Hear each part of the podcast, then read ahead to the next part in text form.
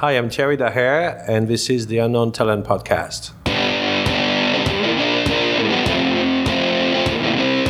Everybody has talent. But how can you use it to the fullest? We invite incredible people with an unknown talent. Find your inspiration at the Unknown Talent Podcast.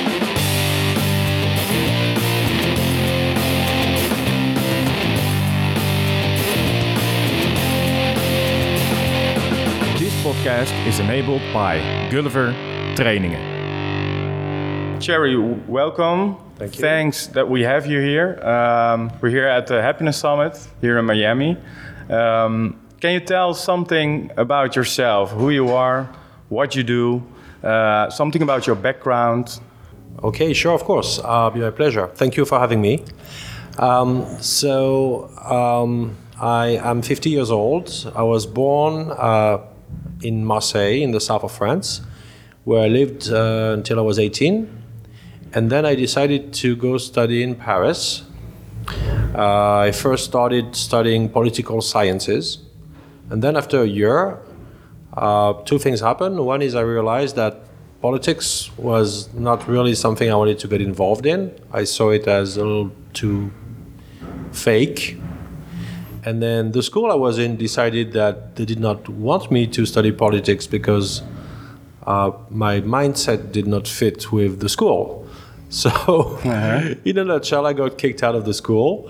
And, and what was your mindset? Uh, my mindset was, oh, okay, so that's an interesting one.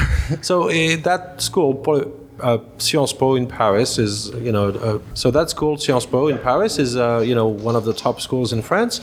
But uh, at least back then, you know, 30 years ago, they were very serious, and the students who were you know 19, 20 years old were taking themselves very seriously.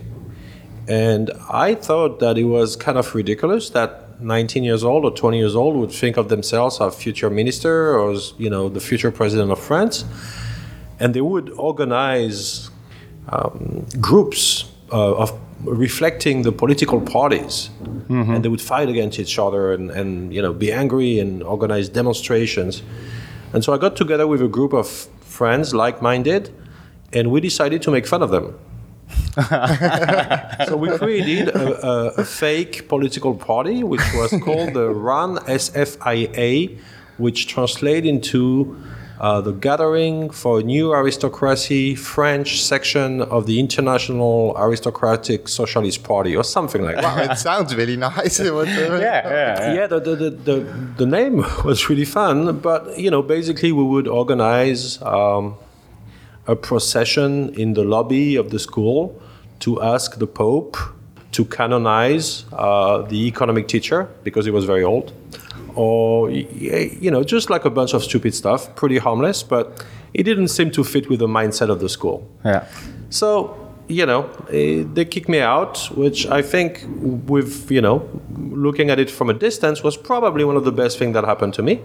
Um, I would have been miserable if I had stayed there. And then I went into international marketing. Um, and two years later, uh, with my school, I, had a, I was blessed. I had a, the fantastic chance to travel around the world for one year. So I spent some times in New York City and then in Asia, uh, in China, Japan, Korea, and that was an amazing experience. I really discovered the world. Um, but I also fell in love with New York City. And so after that trip, I went back to France, I graduated, and then immediately I left for New York. I found a job. I had the company sponsor me, I got my visa, and I worked there for about four years, uh, which was very interesting. But also, the company was part of a big, large corporate group.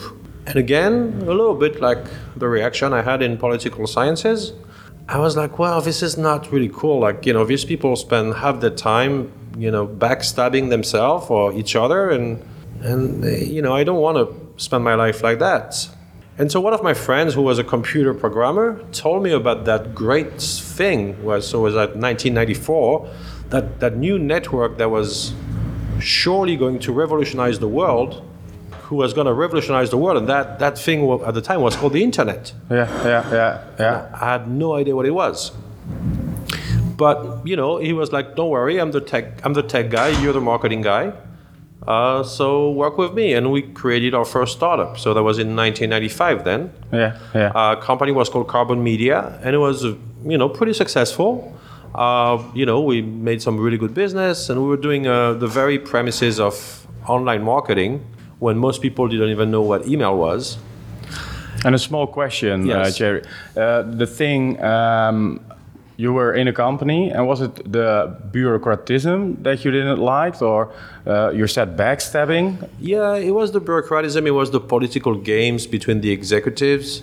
I mean, basically, what happened is I did pretty well for them. So within four years, I became the, the boss of the New York office. Mm-hmm. And I was the youngest executive in a group of maybe 20,000 people. But a lot of people hated me for that. And to me, I had left France because I wanted to get away from that mindset.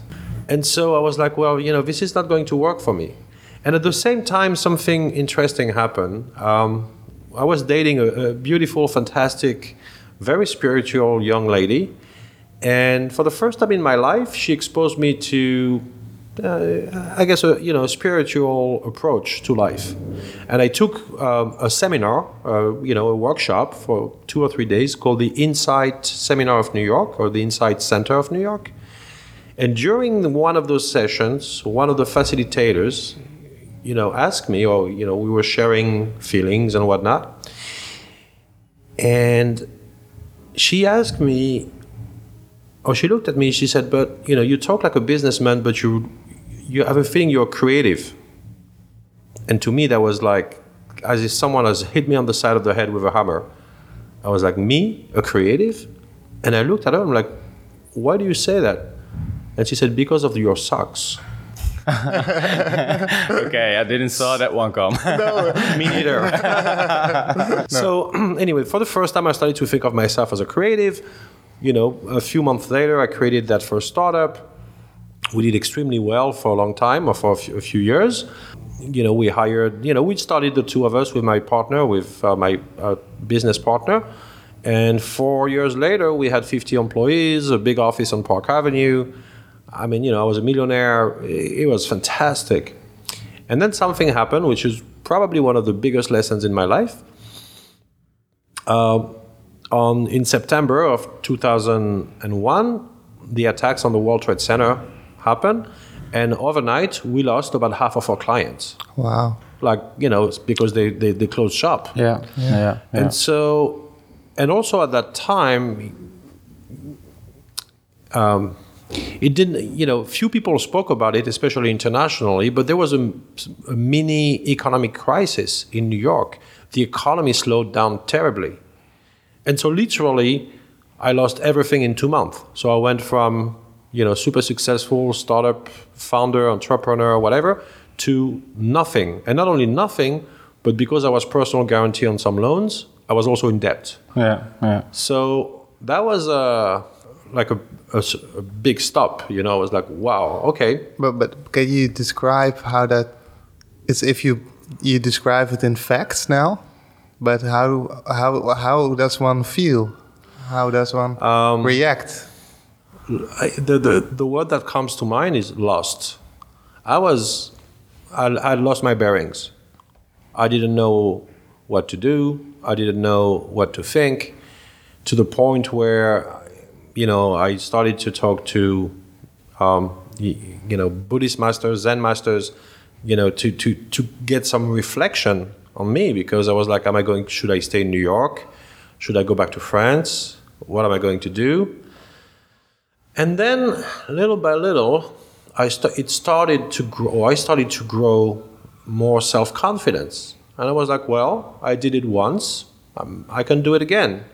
And so I started a new company uh, in my uh, living room in Brooklyn, and I thought, "Okay, what can I sell?" Um, well, I'm good at technology because now I, by that time, I had learned, and I'm also good at international business. That was my training. Uh, and tech companies in Europe, for instance, need to go through the US to succeed. It's kind of a, you know, uh, you know, the US being the biggest tech market in the world, any startups in Europe have to expand in the US, and I can help them do that. And so that's what I did. And I started a consulting company. I did extremely well, very fast. So I pulled out of the hole, I paid back my debts. Um, and I started working that way. And, and, and quickly, one of my clients, maybe a year or a year and a half later, one of the companies that I had helped come into the US asked me to manage their business. So I said, okay, it looks interesting. So I started to be the uh, you know uh, general manager for the US for that company. There was in a Bluetooth space at the time. And, and at what age was that? Jerry? Oh, I must have been. that Was, I must have been in my early 30s by then. Okay. Late okay. 20s, early 30s, I think. And when you started your own company, the, the company that went uh, bank, bankrupt. Yeah. Uh, how old were you then? Um, okay, so let me just do the numbers in my mind. So I moved to New York. I was 24. I worked four years for the big company, so I was 28. So then I started my uh, first startup which I was at the helm for about five years, so it's 32, 33. And so my next business, when it started to work to take off again, I must have been like 32 or 33. Okay, for our listener, huh? you started your own uh, startup. Yes. How did you do that? Because uh, a lot of people have a, a, a job, yes. they have an income, yes. they have a mortgage. Um, what do you want to tell our uh, listener, what was the, the moment that you thought, okay, I'm just going to do it? I'm going to take the risk? The first thing I want to say is something I've learned in my life. I always, I've, I've been very fortunate because I've always been convinced of it, but I verified it, you know, many times. Is that everything is possible? Like your life is exactly the way you design it. It doesn't mean it's easy I don't think anything is easy, anything worth it. Sometimes the universe conspires and, and, and throws opportunities your way, but really, everything is possible. Uh, and so, you, how I did it, um, well, the first time I had about had a bit of savings, actually, that my mom had put into a saving account for me when I was since I was a kid. So probably I don't know eight or ten thousand dollars total.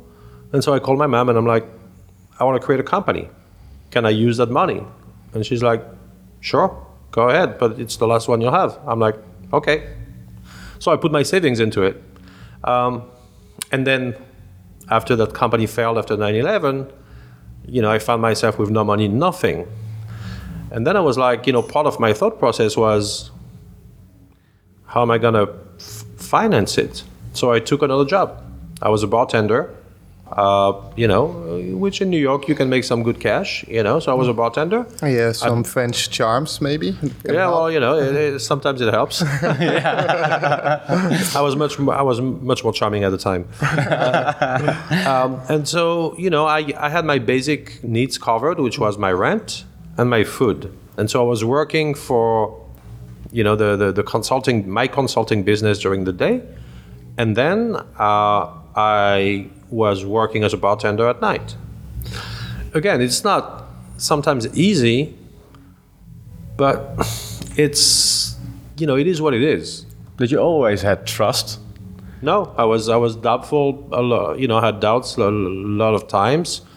Sometimes I was angry at myself. Sometimes I was angry at life for having, you know, robbed me, quote unquote, of my previous business. Uh, but I, I think I also had fun. You know, it was it was you know it was part of it. I I just didn't want to ask people for money. I I just wanted to do it. so yeah, I, you know, I think and and and to people you know who feel stuck in their life. Um, it's interesting. I had, a, I had a conversation a few days ago in Paris with a with a Uber driver, and he was like, "I cannot, I cannot stand Paris anymore. I need to go." And I'm like, "Well, why don't you do it? you're an Uber driver. You can drive Uber everywhere, everywhere. Yeah, you know, in France. Yeah, yeah. And you know, we had a very interesting, very deep conversation on that subject. And it's it's difficult because I don't want to, you know, sound like I'm, I'm I'm giving lessons to people, but at the same time, yeah, I, I'm a firm believer that we only have the boundaries that we create for ourselves. Um, and every time I found myself in a difficult situation or in a good situation, and I started to work toward my dreams, the only uh, action of the only thing of taking action makes things much better, makes things better internally, in your mind or in my mind, and it made I don't know. It looks like you know the universe starting to conspire to come and, and, and put you know clients on the table, and and and so there's there's a bit of magic in there. Something I have discovered too in one of those uh, personal growth seminars I took in New York is I did what they call a treasure map, and this is something that is so magical that it's almost scary. I still do it to this day. So a treasure map is basically taking a piece of paper, and if it's about a business, for instance, writing exactly, precisely as precisely as possible, my dream, my dream vision of what I want the company to be, or what I want the project to be, or what I want that beautiful woman that I want to meet to look like, and, and to and you know, and go in extreme detail. And once I feel that you know the, the map is complete, then take action. And and how do you do that? How do you know the details? How do you find out? Because a lot of people are already stuck. They see a paper, and how do you start? Um, just by writing the first word. Just by doing it. Uh, doing it, you know, it's there's a there's magic in in in in starting doing, like getting out of your head and putting the words on paper there is a there, there is almost a mystic quality to it, which is bringing the energy from I don't know the cosmos or the heavens or the mind, what you know, whatever you believe in, onto the physical world. If it stays in your mind, it's going to go around and around and around, and at some point, I'm going to feel desperate because I do not take action to me, and the writing is the first step, it's the first action. So there's no really other magic recipe than that. It is that simple. And very often in life, I've discovered that the simplest things work the best. Are those uh, um, um, realizations came to you by meditating and? I was not meditating at the time. Okay. Not, not a bit. I mean, I have a very spiritual mother and a very spiritual sister. And my dad was also, you know, he was more religious than what we would call spiritual. But I guess uh, probably as a reaction to that, I always, for a very long time, I, I stayed away from it. Uh, now it's a different story, but but no, it came to me just. I think you know that that that uh, workshop I mentioned, the Insight Seminar of New York back then, was a bit a big opening for me. Um, and then um, I don't know. It just you know it just seemed natural. I, I never wanted or never was able to take no for an answer. And when someone was telling me you cannot do that, that kind of like you know it pushed a button in me that was like, oh yeah, I'll show you. That was kind of you know this is Yeah, just my yeah, own personality. You know many people are, are very different, but that's what triggered my. You needed that too. I think I needed that. Yeah? Yes, I think Yeah. so. I think so. I think it was sometimes I needed to be challenged, Yeah. and life threw a few challenges, you know, to to to nudge me. I so think challenging. Uh, listen to your uh, gut feeling. listening to my gut feeling. That's and that's something that I've learned to do over the years. That you know, not meditating and not you know connecting with my inner self was now I realize was not helpful. Um, I wish I have done it sooner and more. Um, but I think yeah, intuition. Yeah. You know, usually I've I've discovered something later that when I don't know the answer to something, I close my eyes and I ask myself the question, literally. Maybe sometimes I even do it, you know, by talking to myself, you know, with you know, actually talking. And then I pay attention because the first answer that comes up, even if it sounds ridiculous, is the right one. And then again, take action. And so take action could be anything. Like I'll give you an example.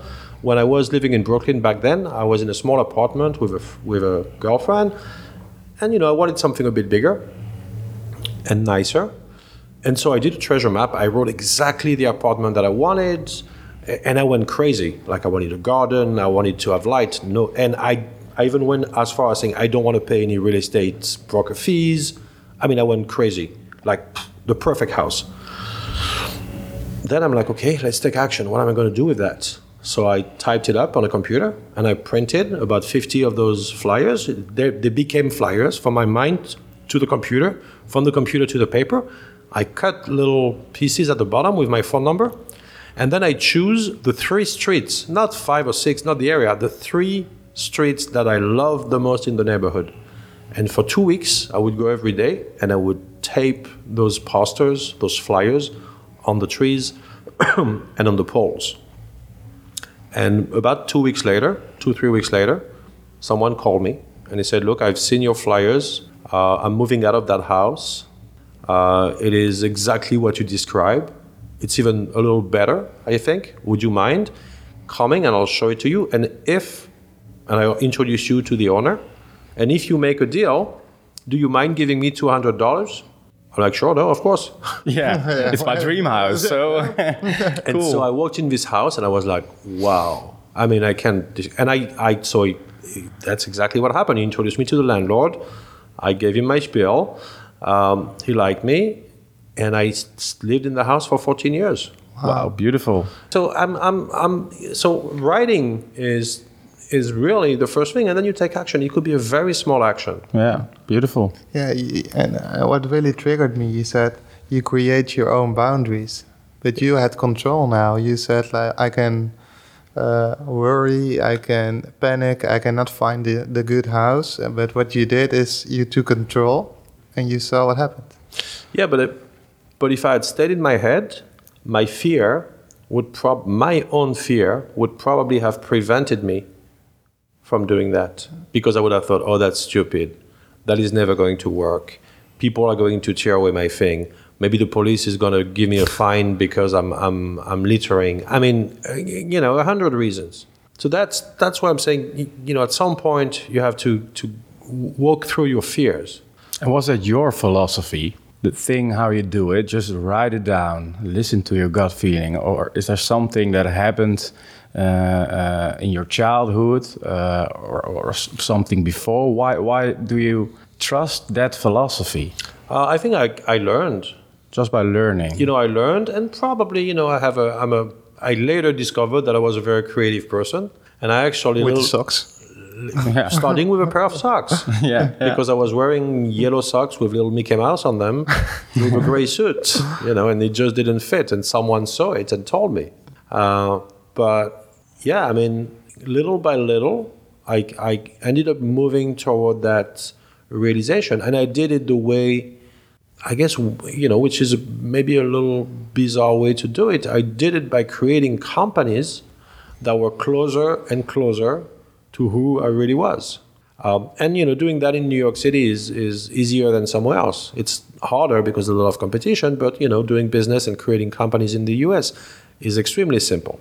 So maybe if I had been in another environment, I would have been doing it by drawing or writing books or painting. I don't know, but that was my that's the path that I that I followed. Is this also a connection with uh, happiness design thinking? Is this where it came from?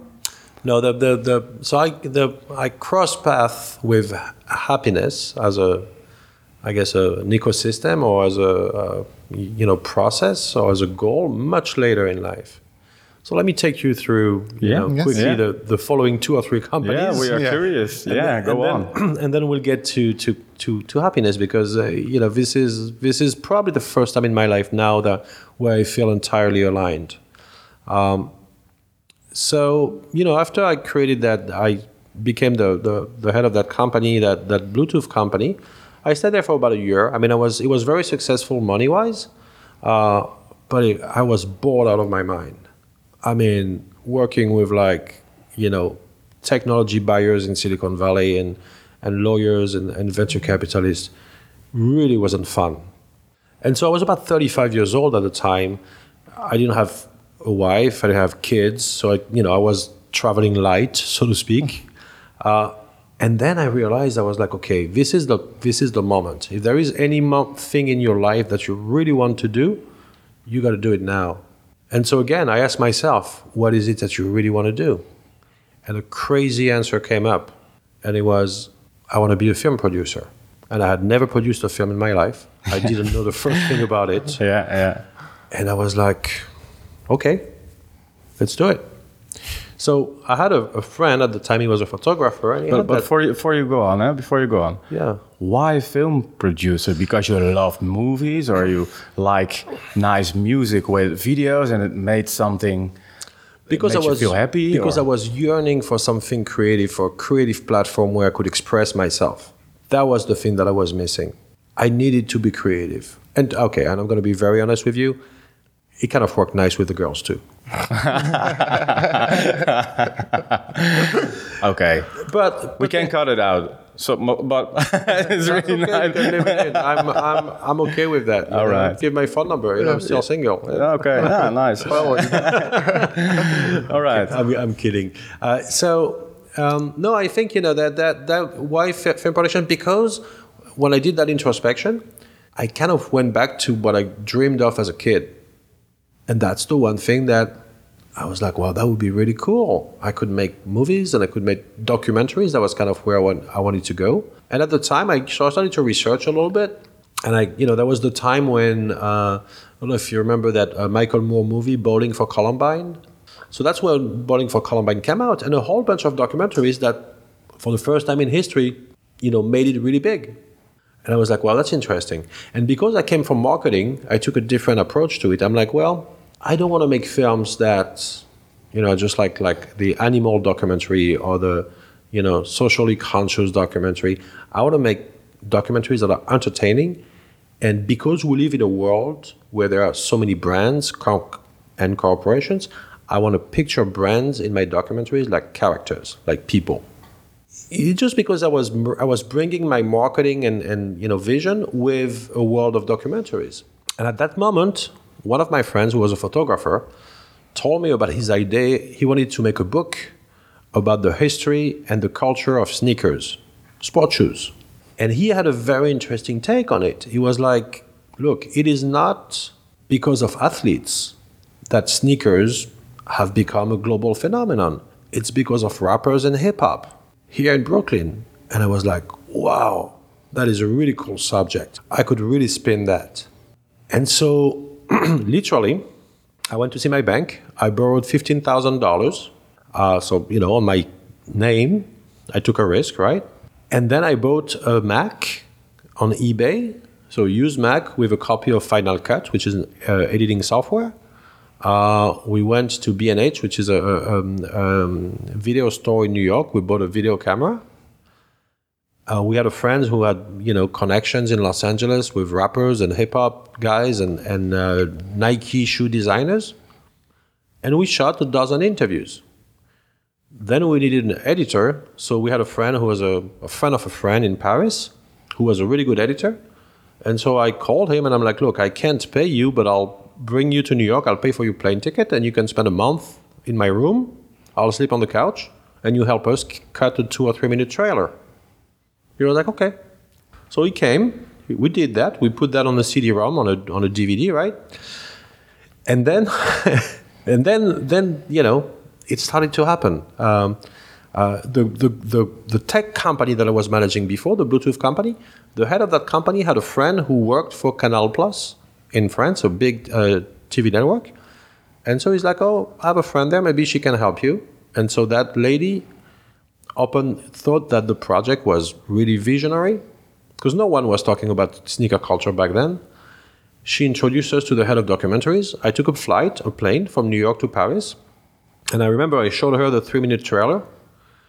And I was like, I didn't know what to expect. I was kind of anxious. And she's like, uh, Of course, you've already produced movies. And I was like, Yeah, of course. yeah, thousands. And then at the uh, three or four minutes, she looked at me. She said, "Okay, how much?"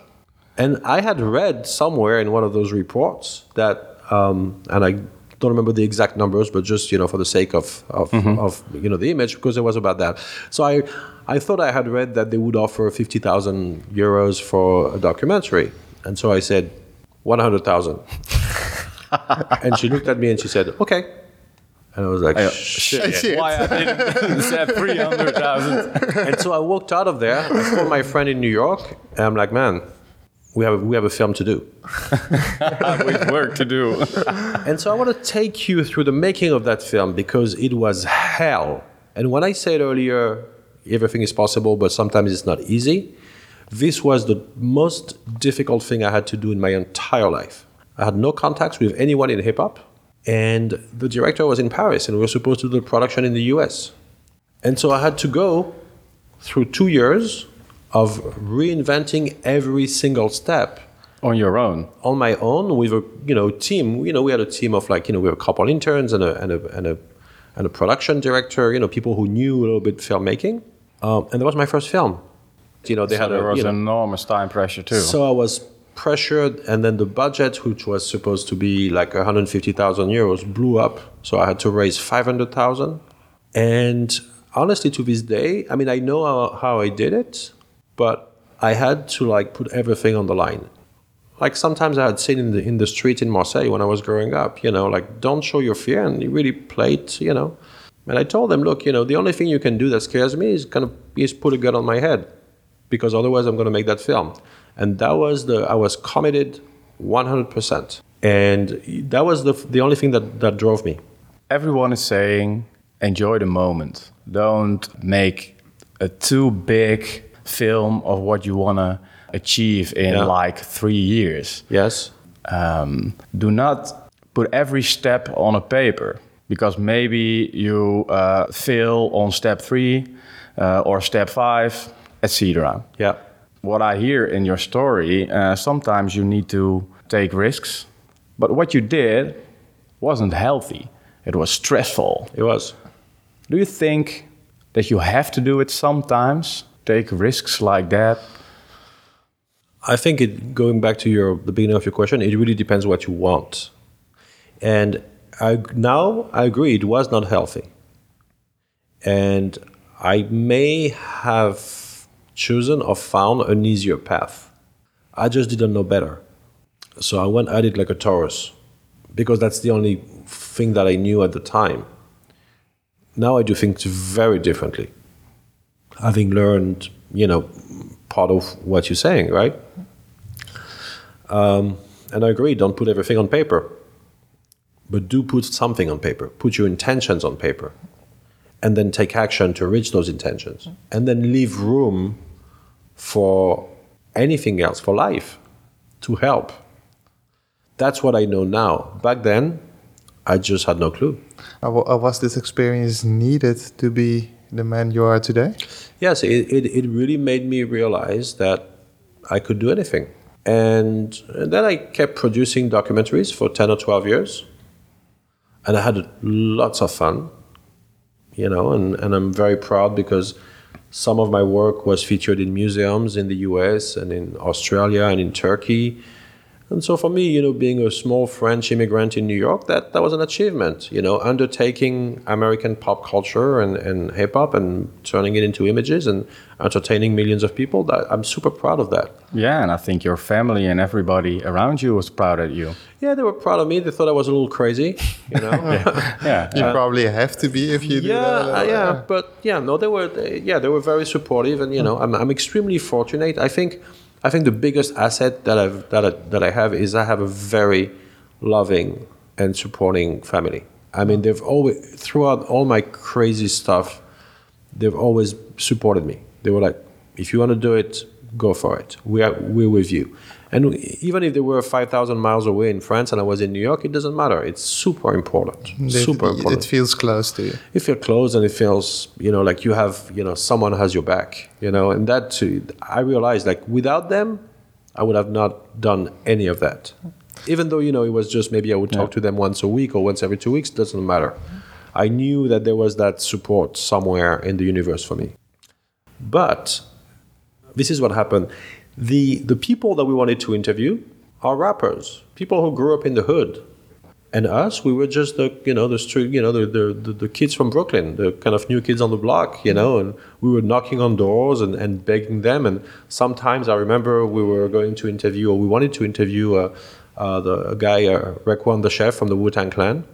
And so after weeks of knocking on the door, he finally said, "Okay, send me a limo and you know bring me to your studio." And we were like, "Well, we don't have a studio, we have to do it here. and we don't have money for a limo." He was like, oh, "Okay, so why don't you come to my place?" And we're like, "Okay, what's the what's the you know what's the bus stop?" Literally, because you know we would carry equipment by bus because we don't have money. And he's like, "Oh, guys, okay, I'll send you my car." and so, but the week before, Nike had reached out to him and asked him if he would agree, and he said no. So that was one thing. So we ended up with like the top guys in hip hop, the, the, the, guys that we needed to make the documentary brilliant and, and, and sexy. And so a year later, we had the fish almost the film almost finished, and we sent the rough cut to the Tribeca Film Festival in New York, and we were accepted. And from that point on, our film was on the radar. We were the first one to come up with a documentary about sneaker culture, and we released, and that film was a global success. It was huge. Like we, i ended up selling it in like 16 or 17 countries. We ended up reaching 30 million people Wow. with a documentary about Amazing. sneakers. And, and can we still see it? Yeah, Yeah. Today? Where can we find it? Oh, it's very simple. You go on YouTube. It's been bootlegged by every kid and their sister. Um, I mean, you know, I, you know, we haven't made money with it for like I don't know, 15 years, um, because you know it's been uh, bootlegged. Like, but it literally is part of sneaker culture. It's called Just for Kicks, uh, and if, if you Google Just for Kicks sneaker documentary, there's a few copies, like pe- people who took the name and tried to make their own. But check it out. It's uh, uh, you know, it's directed by uh, Thibaut de Longeville and produced by Thierry Daher. And uh, you know, you'll. I've, uh, it's to this day, it's it's. I'm so very proud of that film. It, it was really a team's effort, you know, because then we built a team and so much love and so much help came. And uh, but that was my passport into becoming a film producer. And then after that, I kept producing for 10, 12 years until about two, three years ago. Um, well, three, four years ago, maybe. So I was maybe in my mid 40s back then. And I had a ton of fun. I mean, I expressed my creativity in so many ways. And it was so cool. the problem is I wasn't making any money because documentaries don't pay. Yeah. and I had devised a very original financing way. So because I would picture brands into my films, I found a way to finance documentary. But at the end of the day, the truth is you work for two years on a film. Yeah, you're gonna pay yourself, but you have no profit at the end, you know. So so so I was like, okay, you know, I'm I'm 45, time to, you know, try to make a little bit of money and, and, and build, you know, a material life. And so I, you know, I worked for a number of years uh, with another tech companies. I started their New York office, um, and then I was hired as chief marketing officer by tech startups. So I made I made some, you know, some good money, and I kept producing a little bit on the side just to get my creativity out of my system. Um, until last year, uh, late 2016, and I think it has to be some kind of a midlife crisis or you know something like that. You bought a bike or? Oh, I've always r- ridden a bike.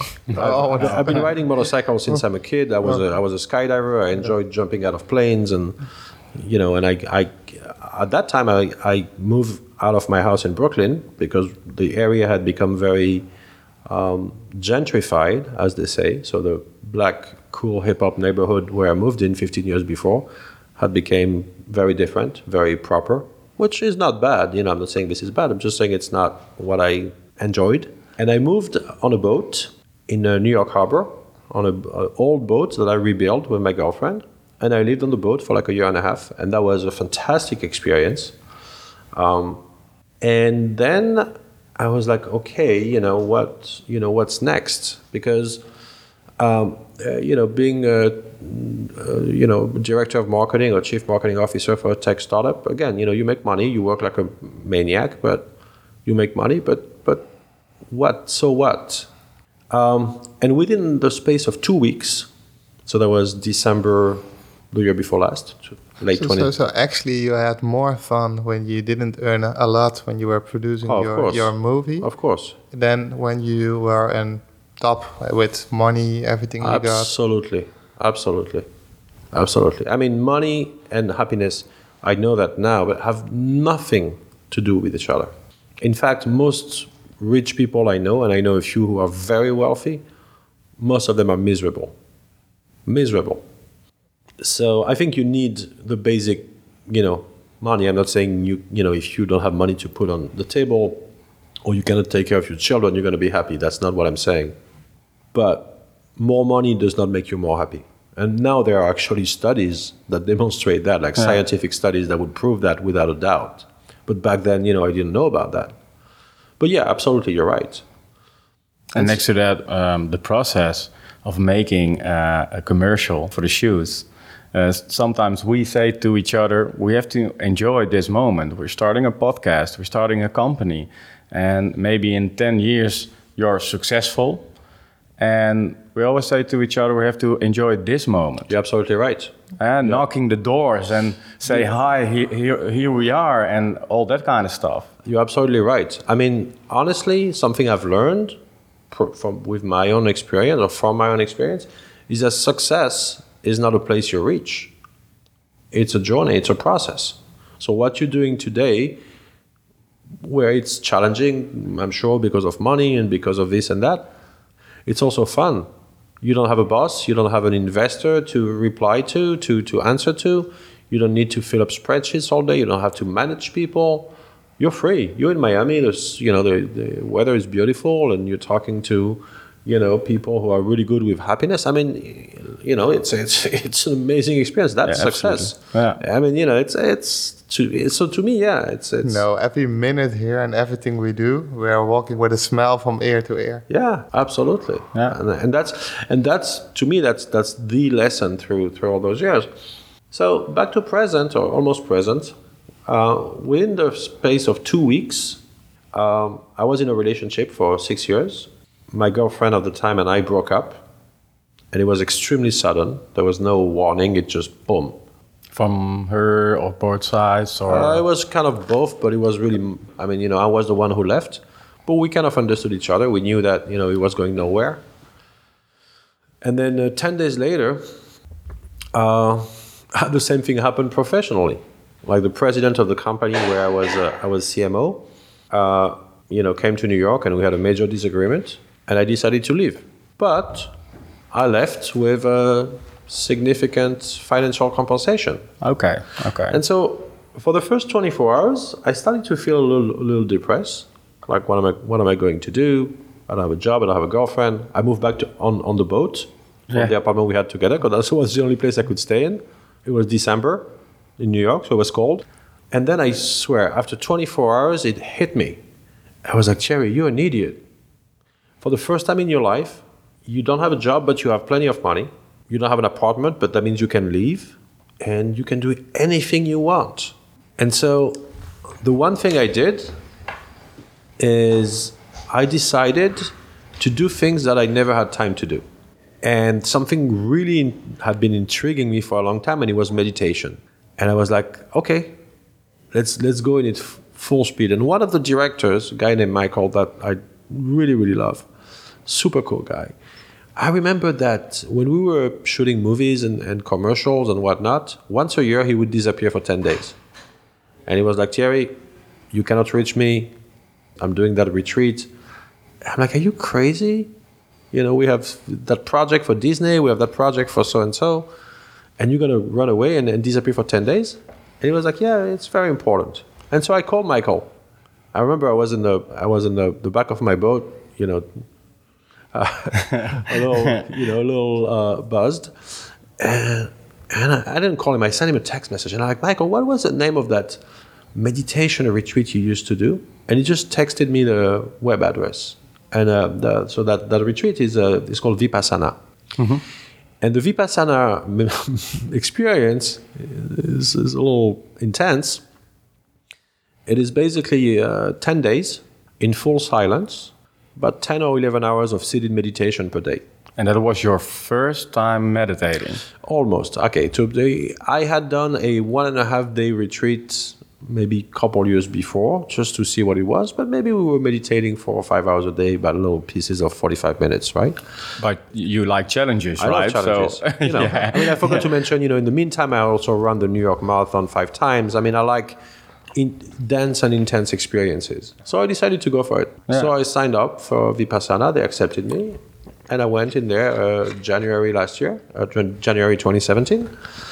Um, and it was a fantastic experience. I mean, the first day was very difficult because you know when you haven't done that ever, your your mind is still running around. And yes. Yeah, yeah. Trying to grasp, you know, what time is it, and is it time to stop yet, or you know. But then after the first day, I was like, well, okay, you're either going to do it or you walk out of here right now, because otherwise it's a waste of time. Yeah. And waste of time and waste of energy for those nice people who are welcoming you here.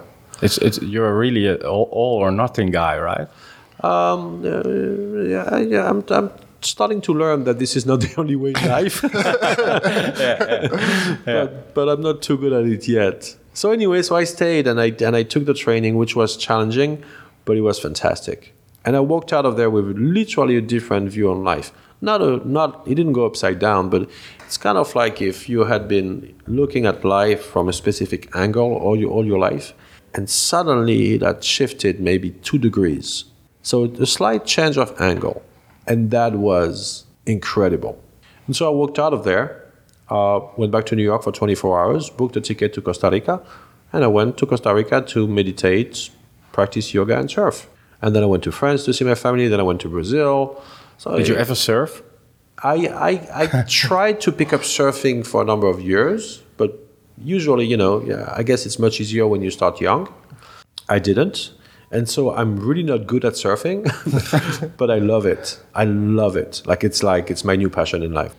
Uh, and so you know, I, I took I took a, a, a, significant vacation. I was four and a half, five months doing nothing, just blowing the money that you know. The and, can you find the, the, the peace for it because you're oh, yeah. really driven, and can oh, you yeah. find a sort of mindset from? Oh, I I. I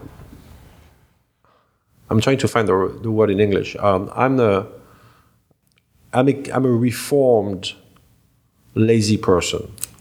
So when I work, the only way I know how to work is 10, 12 hours a day, 14 hours days. Uh, when I don't work, I don't do anything.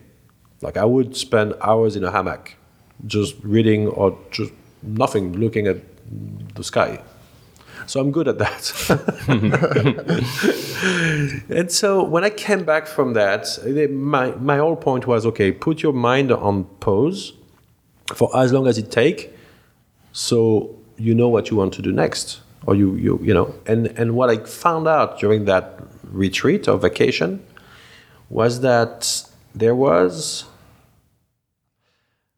there was something that was most important to me beyond making money, beyond being creative, is what are you going to do? What am I going to do with those skills? What impact am I going to do on others? How can I try to make the world a better place with that knowledge? And as I made that decision, I'm not kidding you, a week later, I'm being introduced by a common friend to a guy who's a fantastic guy. Like he's one of the most talented business person I've ever met, and also one of the biggest heart I've ever met. And his name is Mo Gaudat. He's the chief business officer of Google X. Before that, he started Google in about half the countries in the world where they have businesses. And this guy had just published a book about happiness, talking about his uh, own life experience and an equation that he had devised to help people live a happier life. And I was like, wow, that is genius. And the friend who introduced us asked me, do you think you can make a documentary film about him?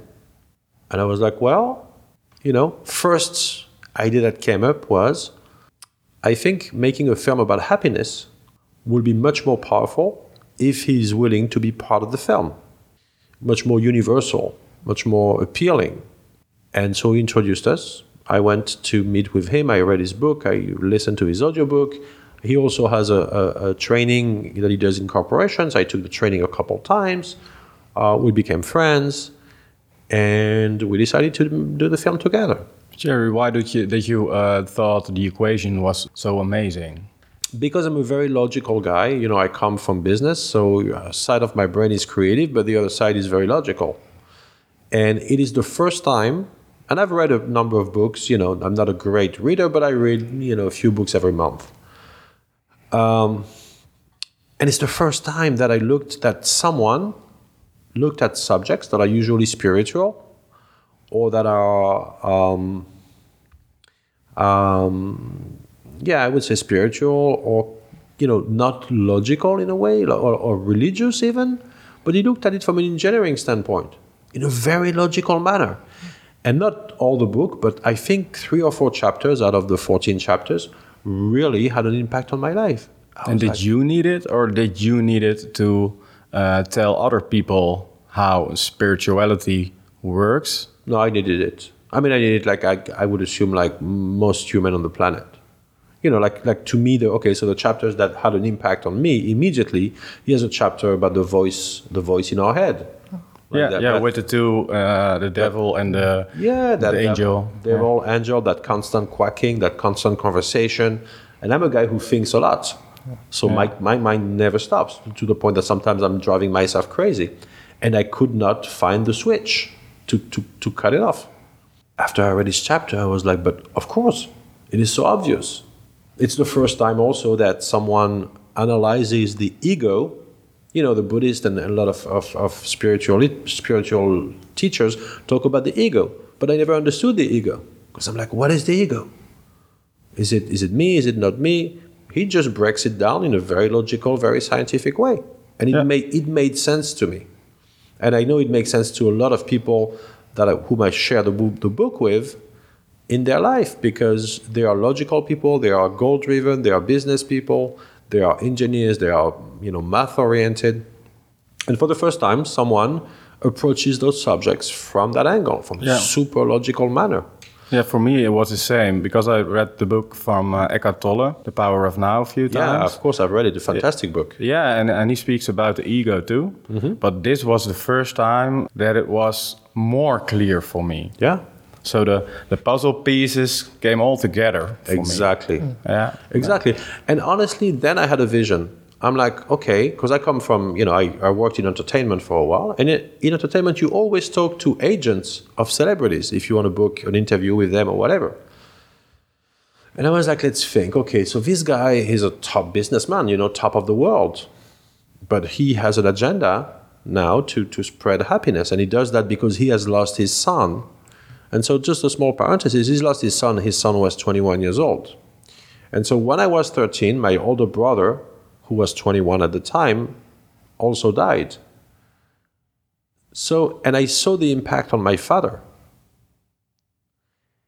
And I was amazed and in awe about the reaction that I saw in Mo. Like how Mo reacted to the son of to the loss of his son was something that I could relate to. Because when my brother passed away, my dad started a foundation to raise money to fight the cancer that killed my brother. And Mo, at a different scale, decided to make 1 billion people happy. And I was like, that's crazy. But it's crazy enough that I think he can do it. And if he wants my help, I'll help. And what do you need in today's world to communicate and reach a billion people? You need movies. You need content, you need videos, you need marketing. It just happened that's that's what I've been doing for 25 years. So all of a sudden, all my skills aligned with this guy's mission. And I talked to him about it, and he's like, Yeah, man, just come on board. I mean, he was so cool about it. Not it did not happen overnight, you know, I kind of quote unquote proved myself and, and I did it with my heart. Because I knew instinctively that that was what he would react to. That and the professional aspect, but I wasn't worried about the professional aspect because, you know, now I have 25 years experience, I'm self-confident enough. But I needed to be true, true to myself. And for the first time, I swear to God, things aligned like you have no idea. Um, and so, you know, one of the projects was is this documentary film, right, about happiness. And I'm a producer. I mean, I've directed a couple shorts, but I'm not capable of you know, di- directing a, a, a, feature of that level, especially with the ambitions that we have. And so I was like, okay, I need a, I need a good director, someone I can trust, someone who's aligned, someone who's extremely talented. And that day, or the next day, I mean, within a short amount of time, I got an email from a friend, a fantastic documentary director whom I had met 10 years before at a movie festival in Amsterdam at IDFA. Mm-hmm. And back then he had won the prize at IDFA. And I was just showing my documentary about sneakers. And he had moved to New York. And anyway, make a long story short, he was having a party. So he's like, hey, Thierry, it's been so long. Why don't you stop by? So I stopped by. We start talking. And I'm like, so what are you about? What are you doing these days? And he's like, oh, I have a small personal project. I'm, I'm shooting episodes in the streets of New York about happiness. I'm just giving you an example, but one thing after another, after another, after another. For the last six to eight months, literally, life has been conspiring to make that path easier. And so back to questions you had you you had earlier, I'm not fighting it anymore. I am not going like a tourist head down. You know, I am, uh, you know, much more open to the signs that life are bringing my way. Um, I am not writing anything else but the intentions. And sometimes, you know, I have to write a business plan. That's okay. Yeah, because It's- other people. Exactly. Yeah, yeah. They want to see it, Yeah. and I'm very happy with it. But I became much more flexible. Um, you know, sometimes life throws you know blocks in the in the path, and I'm okay. I just look at it, I go around, or I go on top of it, and I j- and I keep going. Yeah. Uh, but that's really what brought me to happiness. I mean, it's a it's a convoluted path. You know, it didn't happen over overnight, and I think a lot of it has to do with the fact that I did not have a personal growth or a, you know meditation practice early on. I mean, had I had that bef- earlier, I would probably would have you know saved time. But also, when I look back, I'm like, I had a lot of fun. Yeah. I had a ton of fun.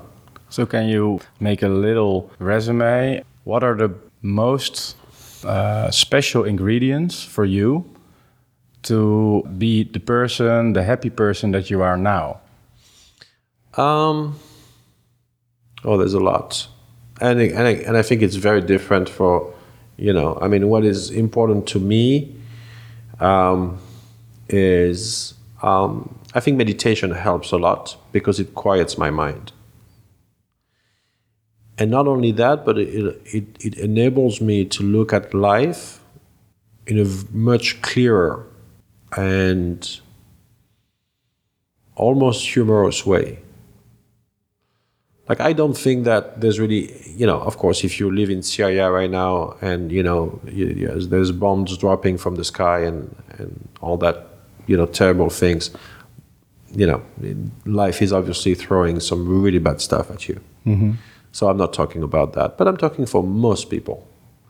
Most people in the United States, in Holland, in France, in Europe, you know, we all eat three meals a day, or most eat three meals a day. Most of us have a roof on our head. Um, you know, once you have that covered, then the rest is up to you, man. I mean, it's already Yeah, up yeah. to you to, to, to, to make sure that that happens. But other than that, um, I think you know uh, introspection and and the key to me is the the, the, the thing that make me that makes me the happiest is to feel that what I'm doing is helpful to others. I think there is something about um, helping others that comes back in like pure gold, happiness. You know, I'm not talking about financial return. I'm talking about happy return. Um, that I think is, uh, you know, is is the key. Is like you know, helping others, like going along with compassion. Um, to me, I really started to, to live a much happier life and, and align everything when I started to listen to my heart before I listened to my mind. And is that because of meditating? Um, I don't think it's because of meditating, but I think meditating helps. It's kind of like meditation opens up the ears so I can hear better, or it, it makes me calmer so I can be kinder to myself and to other people. Um, I don't think meditation is an, is an end in itself. I think it's a great tool. I do some meditation myself, and um, because I meditate in the morning, I'm relaxed during the day, Yes, and I can enjoy washing my hands, yes, and I can enjoy eating my sandwich. Yes. And when I'm not meditating in the morning, all temptations, I want to do everything at once. And Your I mind- try to multitask, but it's not possible. Your mind takes over, right? Yeah. Yeah. Is it the same with you, uh, Thierry? Yeah, pretty much. I think I think meditations in the morning, for instance, which is when I meditate as well, um, it sets the pace for the day. But because it also calms the mind and it helps being more mindful. Mindfulness to me is the result of meditation. And I'll I'll give you an example. A guy like Mo Gawdat uh, almost almost never uh, sits down to meditate but he is mindful 12 13 hours a day so he's going to be sitting with you he's going to look at you in your eyes he's going to look at the color of your shirt he's going to smell the air like he's extremely present that's what you feel when you are when you're with him. So you know that is meditation. It's just you know permanent meditation in everything you do. Okay. Okay. whatever you do. Uh, yeah absolutely. It's it's present in the moment with whatever you do. And if you do something then there is that you know you go with the flow. You know you're in the flow. There's a whole you know school um, that that that explains it but yeah i think you know to, to me that that really was the was the turning point um, you know realizing that you know helping others being kinder to myself which was not something that came naturally with me I always always had a tendency to you know kick myself in the ass to to move forward. Goal setting and Yeah, exactly. You know, like like do more and and and reach higher and yeah. no, you know, it's not. I don't think that's a good idea. You know, if if it becomes systematic, if it becomes a way of life. But at the same time, you know, if you want something, just know that, yeah, of course, if you want it, and you're willing to do whatever it takes within, you know, reason, of course, then probably it will happen. I have absolutely no doubt. And right, like right now, I have no doubt that within five years, with Mo, we would have reached a billion people, Yeah. and that's just such a cool experience. Yeah. And is that because your own life experience? Is it because you know how it feels to be rich and uh, know how it feels to get bankrupt and that kind of stuff? Or I think that those are helpful in the way that it, it takes away the fear. You know, you only fear the things that you don't know. Fear is actually something I've learned. You know, in America, people love acronyms. And I like to say that fear is a false emotion appearing real. Fear hmm. is actually making something up in our minds, but it's not real, and being scared by that lie. And so, having experience in life, like, you know, yeah, I've been wealthy and I've been broke, and, uh, you know, I crashed on my motorcycles a few times, and, you know, and, and so having experiences um, helps not being afraid of those things anymore because, oh, okay, it didn't kill me. The worst happens, I'll go back there. I already pulled myself out of it one way or the other yeah, or I survive being wealthy and I survive Yeah. being broke, what's the worst that can happen? Yeah, if you put a gun on my head and you're likely to pull the trigger, yeah, that's annoying. yeah, yeah, it is. But no, but that that's kind of you know that's that would scare me yeah, yeah. because I don't know what's on the other side of the mirror. Death is and and I'm not really looking forward to going there just right now. But that are the obvious uh, fears that a lot of people have. But our reptilian brain, uh, evolutionary, is programmed to be afraid of a lot of things smartphones, uh, TV clips, movies, everything is about seduction. What can you tell our listener? What do they have to do not be captured by all those seductions in the world? I think the moment you start feeling fear or uncomfort in your body is because someone is trying to sell you something. It's, uh, you know, advertising is designed around the notion, or most advertising is designed around the notion of making us feel incomplete.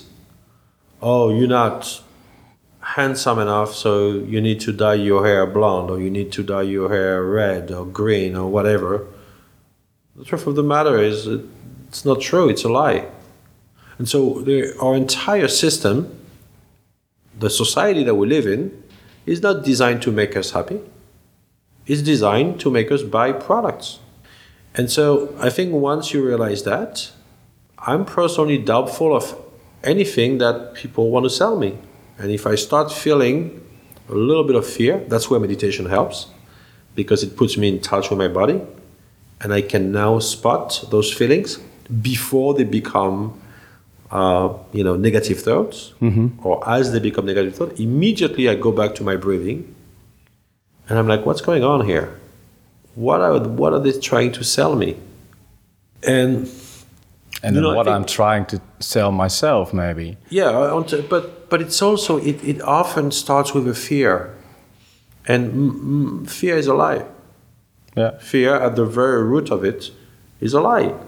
It's I'm not saying don't be afraid of, you know, a tiger or, you know, if you see, you know, a, I don't know, someone with a gun pointing at you. Not I'm not saying do not be afraid there, but those are, you know, how how how often did that really happen in your life? Yeah. Like look at it like from a factual standpoint. Yeah. Like, how often in your entire life have you been subjected to a life threatening situation? Most people is never. I personally put myself in that situation because I like the feeling. I used to jump out of planes. I was a skydiver for 20 years. I loved it. But you know what's incredible with that sport, and that taught me so much, is the fear is before you jump. Because the split second when you go out of the door and you start falling at 200 kilometers an hour, there is no more fear. None of it. Like the, and everyone, or maybe 95% of people who have ever jumped out of a plane will tell you the same thing. What is extremely scary is the anticipation. It is the mind game that we play on ourselves. It is the, the, the, the anxiety, the, the mounting pressure of, oh, my God, I'm going to die. And as you go through the door and you start flying like a bird, it is a fantastic experience. And so, in, in, And it's a beautiful metaphor because um, a lot of people want to be in control all the time. So when you're at the door, you're still in control. And when you jump out, you're free. you release There is no control. Absolutely. I mean, I would encourage anyone to go skydiving.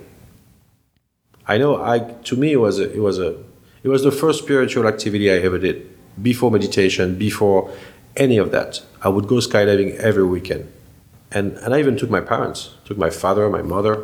Really, really uh, amazing experience.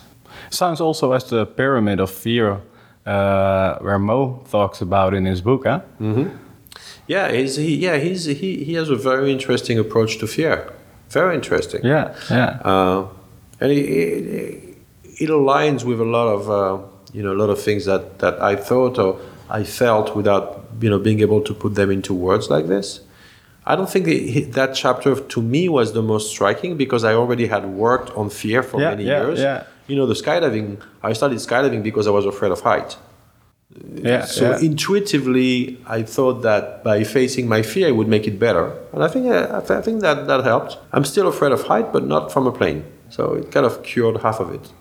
Can you maybe tell something more about your company, about Positive Solutions? Sure. So positive solutions is a is a little bit of what I'm doing. You know, it's what I'm doing for Mo. It is a uh, a talent management agency. Like you can have a have an agent for a, a, soc- a football player or, or a star. Um, except positive solutions is uh, focusing on business people, men or women, of uh, you know uh, very high level, global or world class, as we say but only those who have a positive impact on humans or on the planet. So my goal is to help those people who usually don't have the time to, you know, better manage their schedule, promote their message, create content, movies, videos, articles, and do their and do their marketing and help them book, you know, uh, training sessions with corporations, with governments, and spread the message. And so I look at marketing and as corporations as my channel, as a catalyst to spread happiness through business. And the reason I choose that, one is because I know that channel. You know, I've been working in, in business for many, many years. Um, but it's also because I think that a lot of, you know, what we were talking about a minute ago, which is, um, you know, eh, there's always a brand trying to sell you something and you often use fear. I think if we can change the mindset in those corporations, if we can change the way marketers are behaving, then we can change society. So it's not the only way, but it is, I think, a channel where I believe I can have a real impact. And again, I'm not the heavy artillery, my clients are. I'm just a catalyst. I'm just helping them reach their target uh, and be much more efficient. And do you have some kind of criteria or an intake uh, with those people? You want to know if they are real, if they are really want to do positive things for the world. Yeah. Well, first of all, I need to be convinced by the message and, and by what they're pushing. And so, you know, I take time to get to know them. And, and honestly, I'm, I'm starting, you know, I've started that company back in September. So I only have a few people that I represent, and I'm extremely careful for, and and and to, to, be true, you know, the first year is going to be a proof of concept, and so I'm not going to represent you know a dozen people. Makes no sense. I could not deliver. I want to deliver high quality services.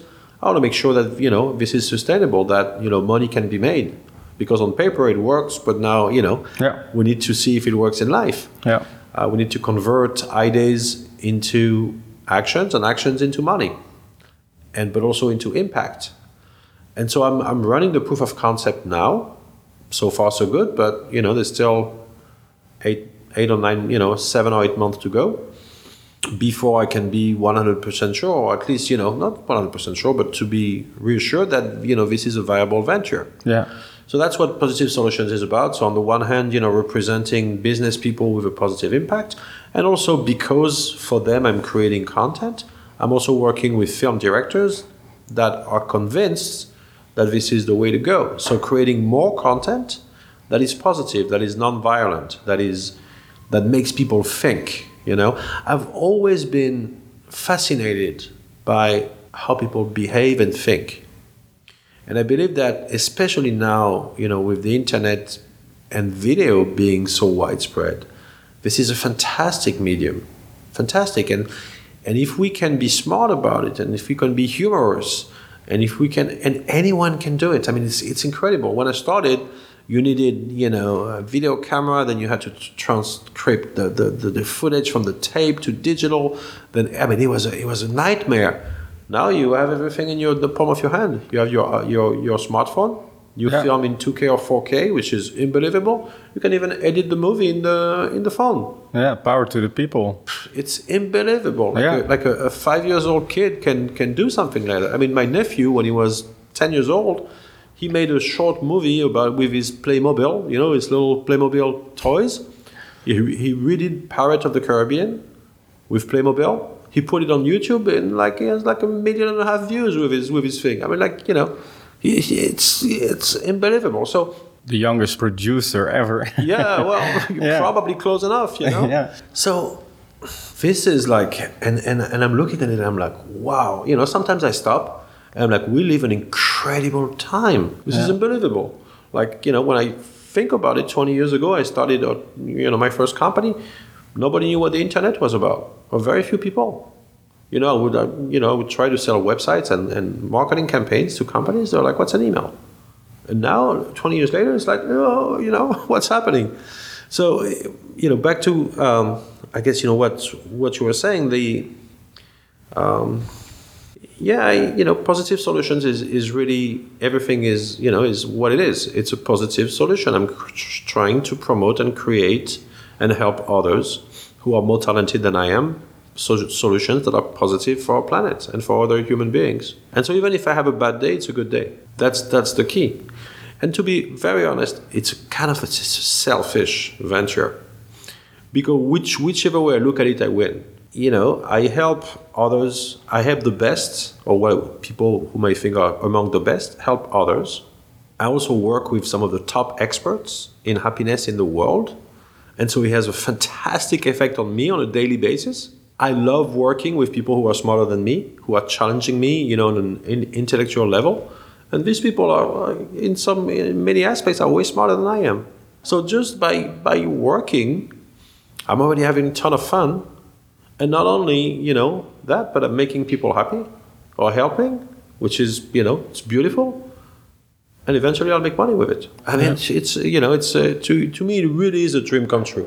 And when I realized that, I was like, okay, you know, that's that's that's it. That's that's the way to go. And can you tell what is it? it's the Unknown Talent podcast? What do you think? What's your specific talent? I'm a great bullshitter. That's honest. it's really honest.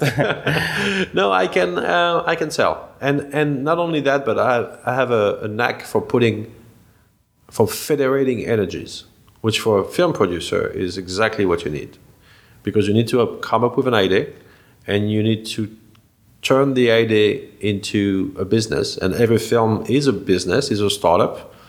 It's a short-lived startup, but it's a startup because you have to find the talents, the creativity, the financing. There's a technical aspect to it. You make a product, which is called a film, and you never know if it's going to hit until people are watching it. So there is a, a, a degree of risk, and, and so having, I think that's where my my main talent lays. It's so can I say having the right uh, connections, um, putting an abstract idea onto paper, all that kind of stuff. Yes, yeah, I, it's kind of like you know my my entire. Often I was like, you know, when I look at friends of mine, most of my friends, you know, um, some of them are successful financially, some of them maybe less, but they most of them have had the same job all their life. I've changed career five or six times, or four or five times. But interestingly, everything I've done now converges into my business. It's like what I do today. I'm using a little bit of every professional experience that I ever had and so now it started it starts making sense yeah yeah yeah nice i want to go to uh, one of the last uh, questions yeah. Um, imagine that you in many many years go and retire okay and you look back from that moment so also things uh, you didn't do yet mm -hmm. what do you want to tell when you're at that porch with a nice lady when you're drinking your wine what did you do what's your legacy um, okay, in my case, it's a. I don't look at my leg at my. I don't want my legacy to be a professional one. I, I, it is what I'm doing today. Like I am, I'm hoping that I would have been successful in helping people, and in contributing to making the world a better place. That is really what, on a professional level, uh, would make me proud or, or happy. Um, but really, what I would like now, uh, the, the, the next leg in my life, is to be more of a uh, more of a loving person. Uh, you know, going from the head to the heart, from the mind to the heart. Um, that I think is you know something that I would I would I'm I'm looking forward to. Like that's my next next thing and and if in like you know X Y Z years I can turn turn back look at look back and look at that and say hey you know you were successful in loving people and in yeah that that I think would be you know would be a would bring a, a real sense of achievement. Yeah. yeah. And if you visualize that, yeah. is there maybe a place where you live, people, friends around you? Yeah, if I visualize that, it's a, it's a small cabana on the beach somewhere with a couple surfboards, you know, a few kids around, uh, you know, a wife, um, you know, and, uh, you know, just chilling. Yeah. You know, simple. Simple, close to nature, and really being able to surf every morning. So really minimalistic. Yeah, I mean, I, I honestly, the, the last few years, I've been living out of my suitcase, and I'm super, I'm perfectly happy with that. Perfectly yeah. happy with that. I don't need like, yeah, I have a motorcycle in New York, and you know, but my most precious uh, belonging, possession, or the one that I'm the most attached to, is my surfboard. Yeah. Yeah. Nice. Nice. Is there something we didn't talk about? Maybe something you want to tell the listeners? Um, yeah, I think we spoke about a lot of things and a lot of uh, you know my my professional background and whatnot. Um, but you know, to me, it's really about living life, you know, and and and and playing it to the fullest. And so, you know, don't let other people, you know, or yourself or your mind tell you that this is not possible, because truly everything is possible. Like you are your best friend and your best enemy at the same time. And so, you know, sky's the limit. There's, there's, there's nothing in life that you want to do or that you would like to do that you cannot do. And if anyone is trying to tell you otherwise, it's because they're trying to sell you something. I think that's a very good ending for this nice interview. Well, thank you so much, man. It was really fun. Yeah, thank you very much. My I'm, I'm totally calm. I don't know why. Okay. Maybe that's something uh, uh, that's an influence you have on other people. I don't know. I don't know, but it's. You was- have it on me, so that's good. Uh, awesome. Well, I'm glad I have Yeah. a positive influence on you, or Yeah. you know, positive impact. Uh, it was it was really nice to talk to you, and you know, to you guys as well in Holland. I love Wow. Holland, by the way. Thank you. Thank my, you. It's one of my favorite places on earth. If the you know, if if it wasn't for the weather, but uh, you know, Yeah, yeah, yeah. July, August in Amsterdam, anytime. Perfect. Perfect. Thank you. Thank you so much. You're much. welcome. Um, when you want, you're, you're welcome in Holland. So Uh, well, come by. yeah, and we I'll- drink a beer and For uh, real, I'll take you up on that. thanks. Thank you very much. Thank sir. you, man. Thank Take you. care. Bye.